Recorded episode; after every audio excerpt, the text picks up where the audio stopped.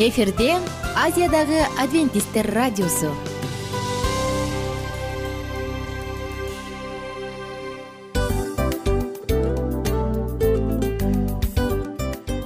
Достор салют.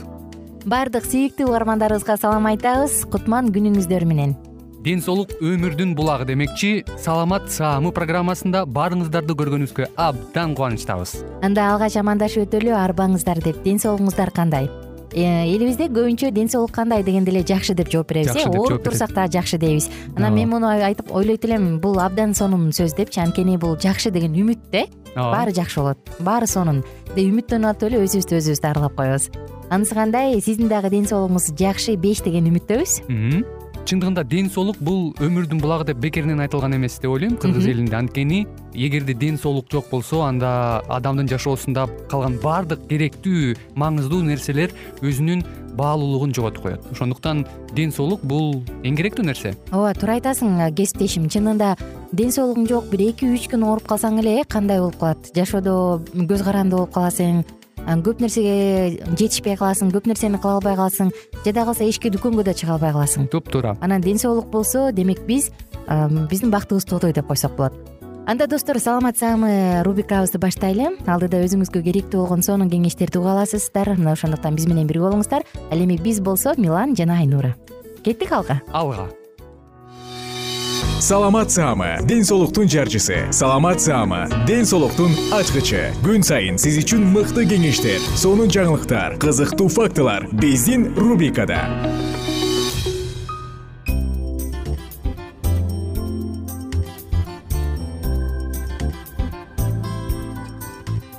баардык угармандарыбызга арбаңыздар деп улуу учурашуу менен таазим кылып саламыбызды ысык саламыбызды айтабыз. Бүгүнкү тема табит жана ден соолук. Кызматыңыздарда мен айнура достор. Жалпыңыздар менен бүгүн эң сонун табит жөнүндө сөз кылабыз.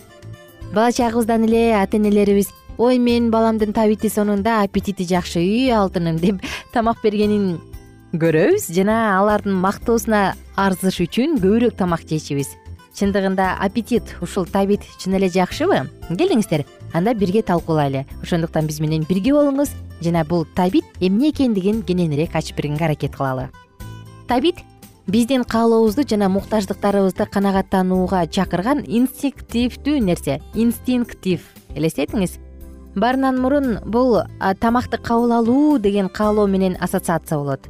Бирок ошол эле учурда табит же аппетит деген сөз адамдын организминин башка импульстарына дагы карата колдонулуп келет. Анан таң калат болушуңуз керек э? Табит бир гана жейм жегим келип атат деген эмес биздин жүрүм турумубуз жүрүм турумубузду дагы башкарып келет. Мисалы ушул эле табит тамак даярдаганга чакырат өзүңө тамак тапканга чакырат тамак бышырганга чакырат. Ушул эле табит сексуалдык каалоолорду ойготот жана бизге сексуалдык канагаттанууну издегенге ойготуп келет. Достор чынын айтканда жан жаныбарлар дагы өзүнүн табитин автоматикалык түрдө же болбосо инстинктивдүү түрдө канагаттандырганга аракет кылышат. Бирок алардан бир аз күтө турайынчы деген суроо болбойт. Бирок достор адамдарда азыр табит ойгондубу бирок ошол эле учурда тим эле жанталашып барып жей калып эмес бир аз ойлонуп ошол чечим туурабы кабыл алганга убакыт бар өзгөчө адамдын табитин көзөмөлгө салып турган адамдын маңдайкы бөлүгү. Баардык эле кыймылдатуучу күчтөр сыяктуу аппетитти дагы башкарыш керек. Ал башкарууга көзөмөлдөгө муктаж. Анткени биз денебизге эмнени кааласа ошонун баарын беребизби? Кээде баягы баардык аппетитке дароо эле ооба ооба ооба деп баардыгын бере беребизби? Дене эмнени сураса ошонун баарын бере берүү бул акылмандуулукка жатабы албетте достор эгер дене эмнени кааласа ошонун баарын бере берсек мындай теория анда бул олуттуу ката деп эсептелинет өзгөчө балдарга карата э? Ыйлап койсо эле бере берсең ой анда кийин канча деген оорулардын ээси болуп калат. Дүйнөдө канча деген бактысыздыктын булагы каалаганын алганда. Кааладымы? Алгым келет. Демек көйгөй башталды. Эми болсо табит жөнүндө сөз кылалы. Жогоруда айтылгандай жан жаныбарлардын табити ойгонору менен ал сөзсүз ишке ашырыш керек бирок адамдар мындай жагдайда башкачараак кыла алат. Ал өздөрүнүн эркинин күчтүүлүгүн алат дагы ошол эле реакцияны көзөмөлгө коюп кое алат. Мисалы азыр эле таттуу жегим келип атат. Деп туруп шоколадты жеп баштаса анын арты жаман болушу мүмкүн. Же болбосо мен жүз грамм ичким келип атат. Анын артынан дагы жүз грамм деп отурса адам мас болуп калат. Мына ошондуктан достор сиз өзүңүздүн табитиңиздин кулу эмессизби? Караңыз. Менин бир тааныш адамым айтат да ал кант диабети менен ооруйт. Мага негизи конфет жегенге болбойт бирок мен такыр токтоно албайм. Менин эркимдин күчү жок дейт. Бирок достор мындай адамды демек өзүнүн эркинин аппетитинин кулу деп атап койсо болобу? Ооба. Бирок ушундай эле каалоо учурга ойгонгон кезде биз өзүбүздүн табитибизди көзөмөлгө ала алабыз.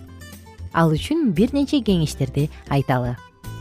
Биринчи кезекте шашпай жеңиз шашпай майдалап чайнаңыз. Экинчи кезекте тамактардын ортосунда эртең мененки түшкү тамактын түшкү кечки тамактын ортосунда лимон суусун ичиңиз. Лимон ширеси кошулган суу. Үчүнчү кезекте тамакка чейин фукустун экстрактын ичип коюңуз же клетчатканы сууга чылап ичип коюңуз. Эми болсо бир аз физиология жөнүндө айтсак адамдын табитин көзөмөлдөөчү мээнин борборунда бул гипоталамус бар э гипоталамус кичинекей эле болгону менен ал укмуштуу чоң нерселерге жооп берет. Дал ушул гипоталамус автономдук нерв системанын борбору. Анын кичинекей эле каалоосу кандай болбосун? Бирдеме ичкиси келеби жегиси келеби же сексуалдык каалообу булардын баардыгы импульс. Бирок ошол импульстун баардыгын мээнин сырткы катмары сөзсүз бир сыйра карап анан баалашы керек. Ошондо гипоталамус өзүнүн ток экендигин байкап калат андан сырткары гипоталамус эмне кылат десек бул адамдын тойдум же той элекмин деген сезимин дене температурасын реакция жана стресс булардын баардыгын тең карап турат. Эми достор сиздерге бир аз болсо дагы маанилүү кеңештерди айтсак өзүңүздүн табитиңизди басып салганга аракет кылбаңыз. Анын ордуна башка жаңы каалоо ойготконго аракет кылыңыз. Мисалы сиздин курсагыңыз ачып таттуу нерсе жегиңиз келип жатат бирок ошол таттуу нерсе сизге пайдалуубу? Ошол сиздин ден соолугуңузга жакшы нерсе жаратабы? Булардын баардыгын бир сыйра ойлонуп чыгып мээнин катмары иштеп чыгыш керек дагы гипоталамуска башкача буйрук бергени жакшы. Элестетип көрүңүз достор. Айдоочусу жок автомобилди анда кандай гана күчтүү кыймылдаткыч бар э? Бирок ошонун баардыгы тең айдоочусу жок болсо анда ал кантип жүрөт? Деги эле кандай кылып иш кылат? Ушул сыяктуу эле мээ дагы ушундай достор аппетитти табитти көзөмөлдөөчү нерсенин үстүнөн кожоюн болгону жакшы. Ошондуктан өзүңүзгө саламаттуу туура жакшы азыктарды сүйгөнгө үйрөтүңүз. Экинчиден канчалык саламаттуу туура тамакты жейсиз анын өлчөмүн көзөмөлдөгөнгө үйрөнүңүз. Булардын баардыгы тең чындыгында жардам бере алуучу нерселер. Достор биздин саатыбыз соңуна келип калган чагы кандай болсо дагы айтарыбыз? Өзүңүздү тарбиялап жатып мээнин кандай иштейт экенин? Мээ баардыгын өзгөртүп кое алаарын ал табитти дагы көзөмөлгө салып кое алаарын үйрөнгөндү унутпаңыз. Мага ден соолукка зыян нерсе жагат эмес мага жаккан нерсе ден соолукка жакшы жана пайдалуу деген графага өтүңүз. Жана андан сырткары мага жагат ал саламаттуу ал пайдалуу бирок мен аны өз өлчөмү менен колдоном дегенге өтсөңүз демек сиз жеңиш үстүндөсүз. Достор баардыгыңыздарга кааларыбыз бекем ден соолук табитти көзөмөлдөсө болот. Таптакыр табитимди тыя албайм десеңиз анда өзүңүздүн үстүңүздөн иштеңиз. Кайрадан амандашканча күнүңүздөр көңүлдүү улансын. Саламат саама ден соолуктун жарчысы. Саламат саама ден соолуктун ачкычы. Күн сайын сиз үчүн мыкты кеңештер сонун жаңылыктар кызыктуу фактылар. Биздин рубрикада замандаштар баарыңыздарга ысык салам. Дил маек программабызга кош келиңиздер. Дил маек рубрикасы дегенде эле бул эмне болгон дил маек? Ким менен маектешебиз деп сурайт болуш керек угармандарыбыз бул рубриканы кыскача тааныштыра кете турган болсок ар тарап кесип ээлеринен болгон сонун интервью кеңештер бар. Ооба. Жылдыздар менен болгон маек бар. Аталарыбыздын агаларыбыздын чоң аталарыбыздан сонун кеңештер бар. Ошондой эле эже сиңдилердин кеңештери бар айтор. Баардык кызыктардын баары алдыда. Негизи эле адам баласы бир кимдир бирөөнө ишенип сырын ачкысы келет эмеспи э? Мындай баарлашууга жакын келебиз го. Албетте негизи бир жерге отуруп алып кенен шашпай баягы жүрөктөн жүрөккө ачып сырларыбызды ар кандай көйгөйлөрүбүз менен бөлүшүп баягы чын жүрөктөн маек курганды кимибиз сүйбөйбүз э? Ооба десең ал нерсеге суусап да келебиз да. Ооба кээ бирде адамга чындыгында баягы э, ысык маек баягы жылуу маек жетишпейт да. Ошондуктан биз ушул рубриканы ойлоп тапканыбызда эң биринчи эле достор сиздер менен чын жүрөктөн бир маңыздуу темаларды козгоп кеткени э, кааладык. Ошондуктан ушундай сонун бир рубриканы тартуулап жатабыз. Анын үстүнө радио дагы сонун дос да. Анткени э, мындай учурда досуңа айтсаң досуң досуна айтат досу досуна айтат да анан бүт өлкө билип калышы мүмкүн го. А радио болсо сени сатпаган сенин айыбыңды ачпаган сенин сырыңды эч кимге айтпаган сонун дос мына ошондуктан биздин алдыдагы айта турган кеңештерибизди биздин досторубуздун кеңештерин угуп анан ал жака пикириңизди дагы калтырып кайрадан биз менен байланышсаңыздар болот. Деги эле жашооңузга эгерде кичине болсо дагы өзгөрүү алып моралдык жактан нравовалык жактан сонун бир кеңештерди алсаңыз демек биз максатыбызга жеттик. Ооба.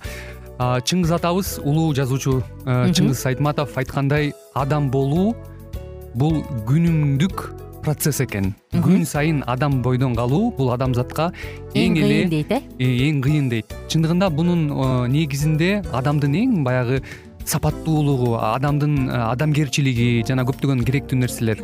Мына ошол темалар дагы бизде ушул дил маекте биз аларды да козгойбуз. Ден соолук жөнүндө да сүйлөшөбүз. Сөзсүз түрдө анан милан мырза негизи айтып коюшат го. Биз көбүнчө эмнени ойлонсок ошол нерсеге карата иш кылабыз го. Ооба. Анан анысы кандай? Балким бул радио баракчада кимдир бирөөнүн оюн текшергенге жардам берет кимдир бирөөнүн жүрөгүн текшергенге жардам берет. Балким кимдир бирөөгө жашоонун маңызын тапканга жардам берер.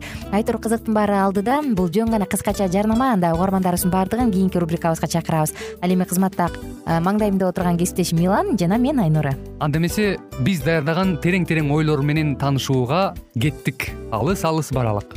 Анда эмесе достор биз менен бирге болуңуздар. Алдыда эң кызыктуу маалыматтардын баардыгы бир нече мүнөттөр бою жалгыз гана сизге арналат мына ошондуктан жакшы маанай менен угууну каалайбыз. Үн алышканча. Жөнөдүк. Ар түрдүү ардактуу кесип ээлеринен алтын сөздөр жүрөк ачышкан сыр чачышкан сонун маек дил маек рубрикасында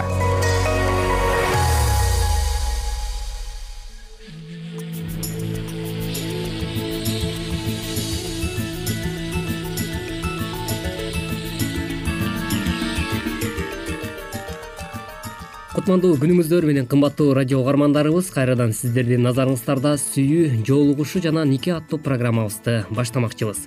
Бүгүнкү программабыздын чыгарылышында өткөн берүүбүздү эсиңиздерге сала кетсек биз э, негизи эле адам баласы бул жашоодо биз э, сүйүүгө ар бирибиз муктаж экенбиз. Ушул туурасында сүйлөшкөнбүз.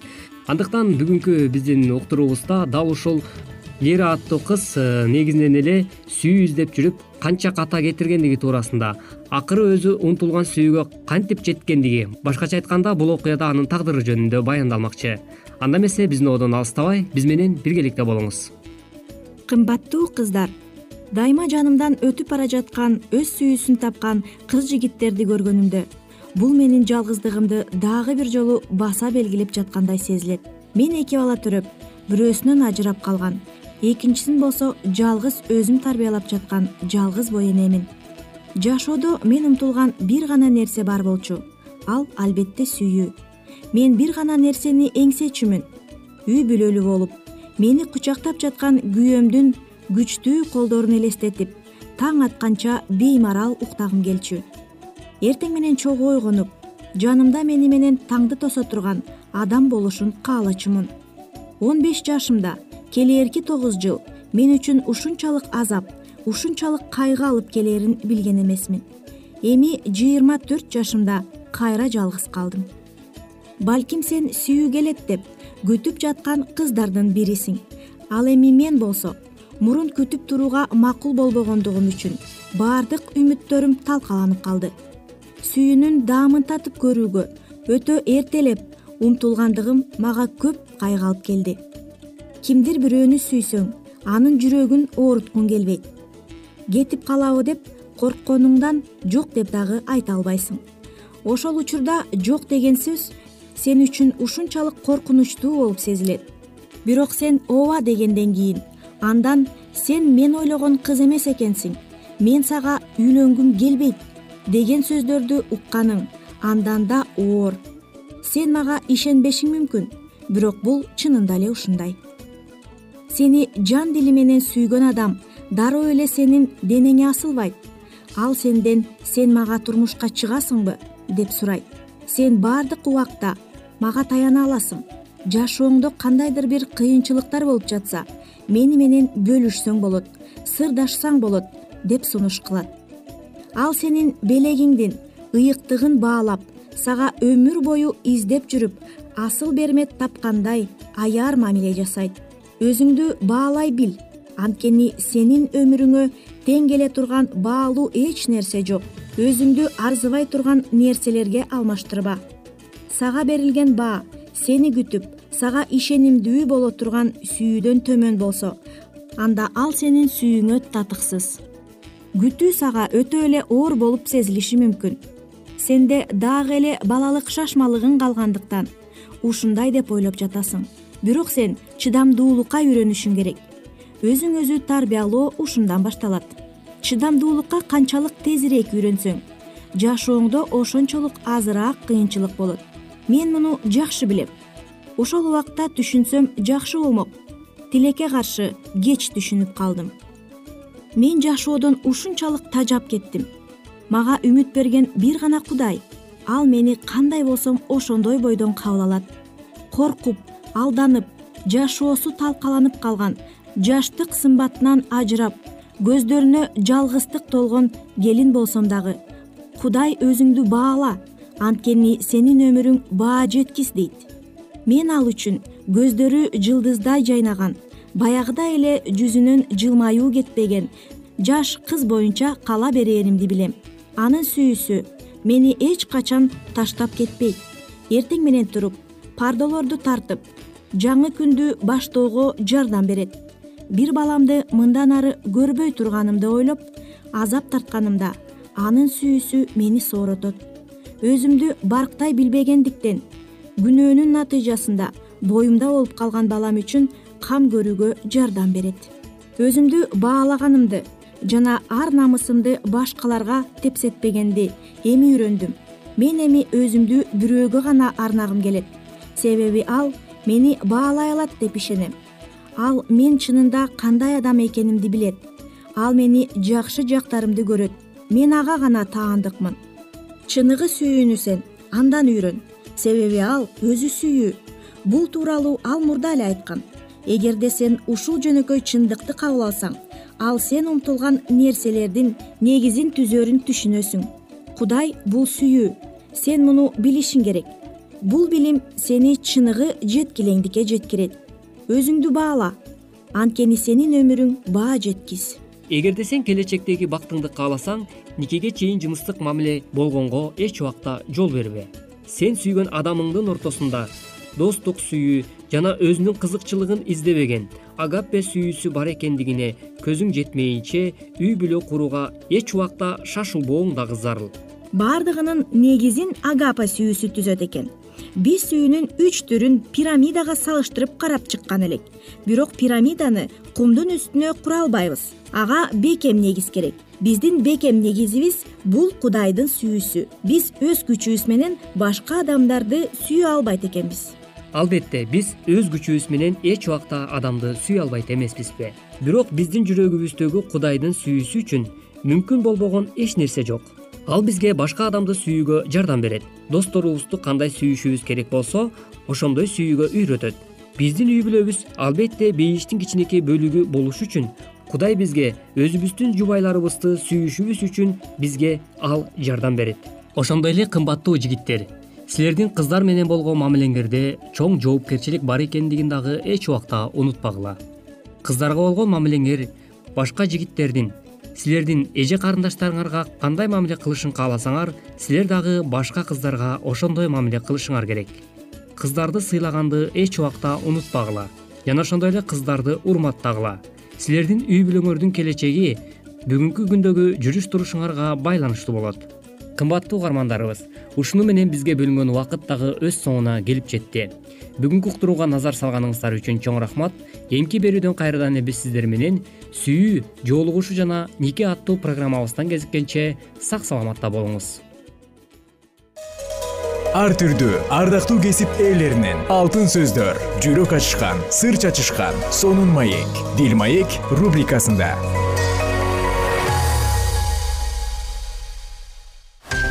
жан дүйнөңдү байыткан жүрөгүңдү азыктанткан жашооңо маңыз тартуулаган жан азык рубрикасы.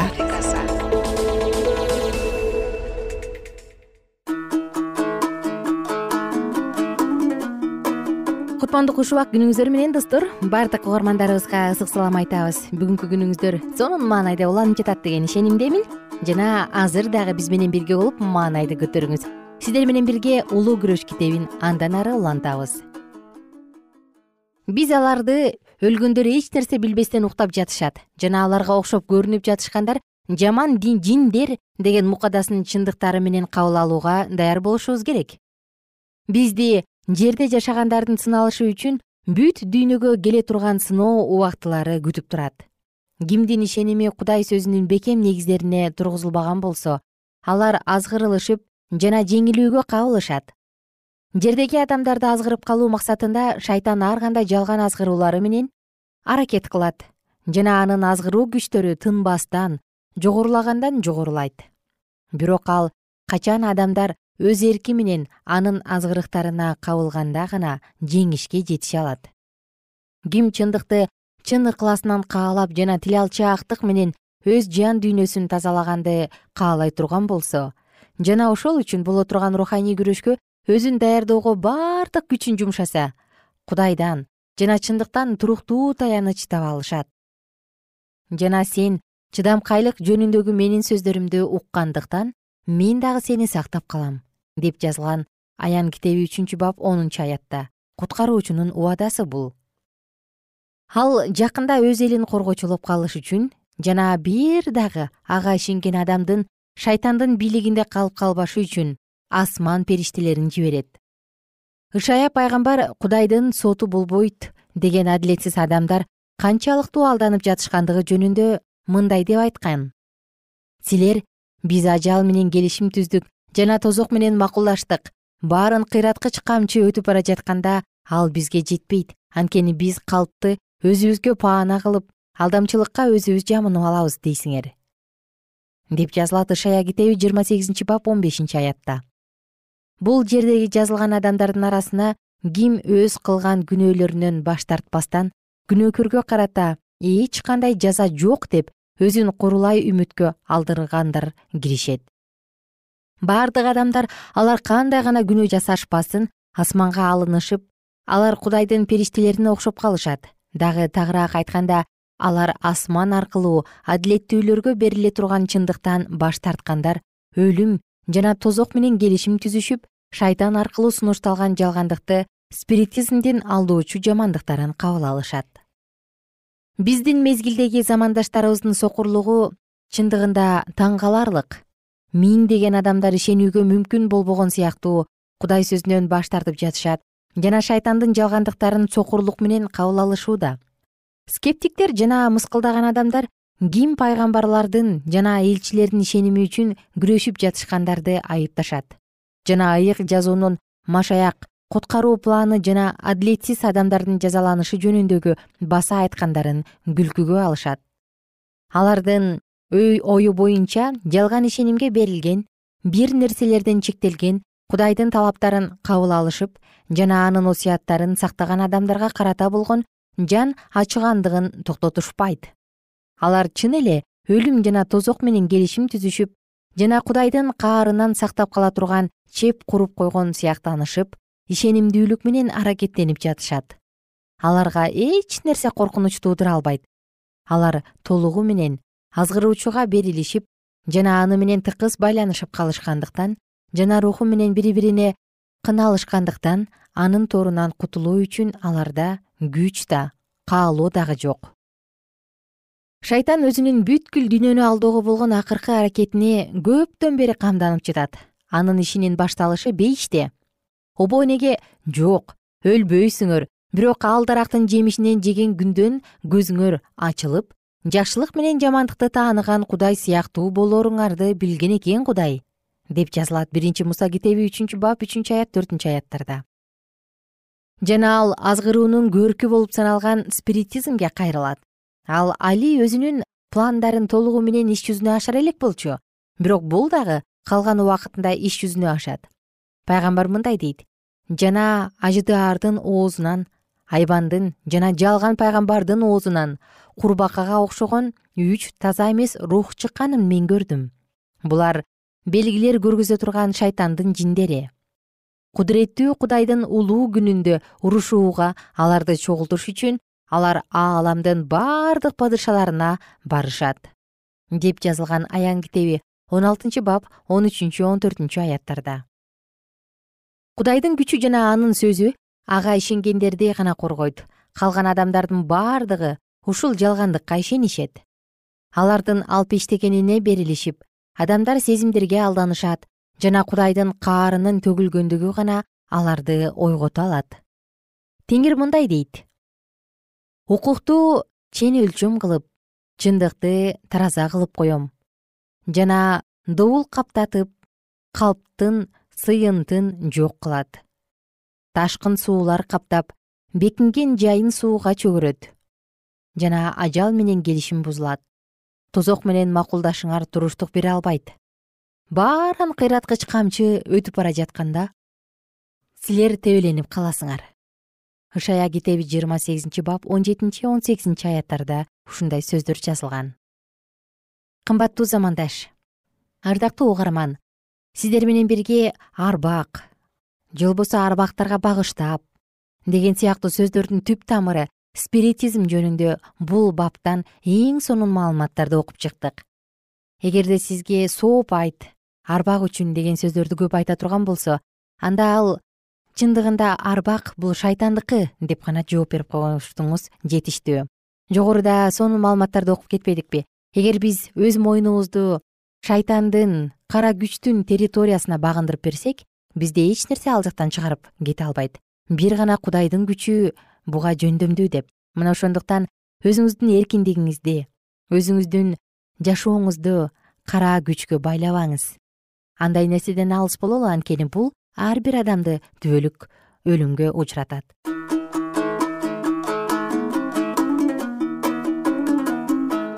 Баарыңыздар менен убактылуу гана коштошом. Кийинки уктурууда улуу күрөш китебин андан ары улантабыз. Күнүңүздөр көңүлдүү улансын. Бар болуңуздар жана бай болуңуздар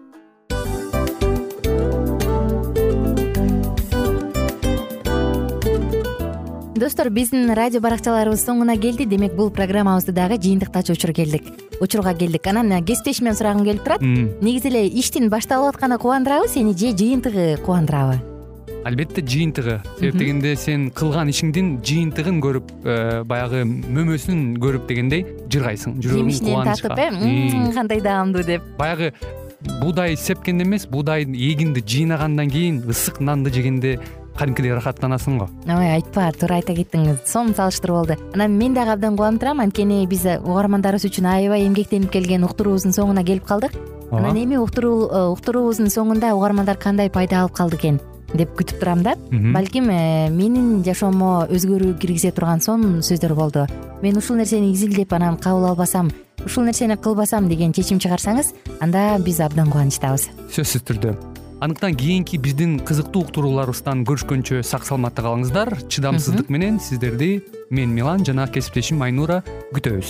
Баардык угармандарыбызга ийгиликтүү күн каалайбыз. Качан гана болбосун уртуңуздан жылмаюу кетпесин үйүңүздө көмүр жүрөгүңүздө көңүл болсун дейли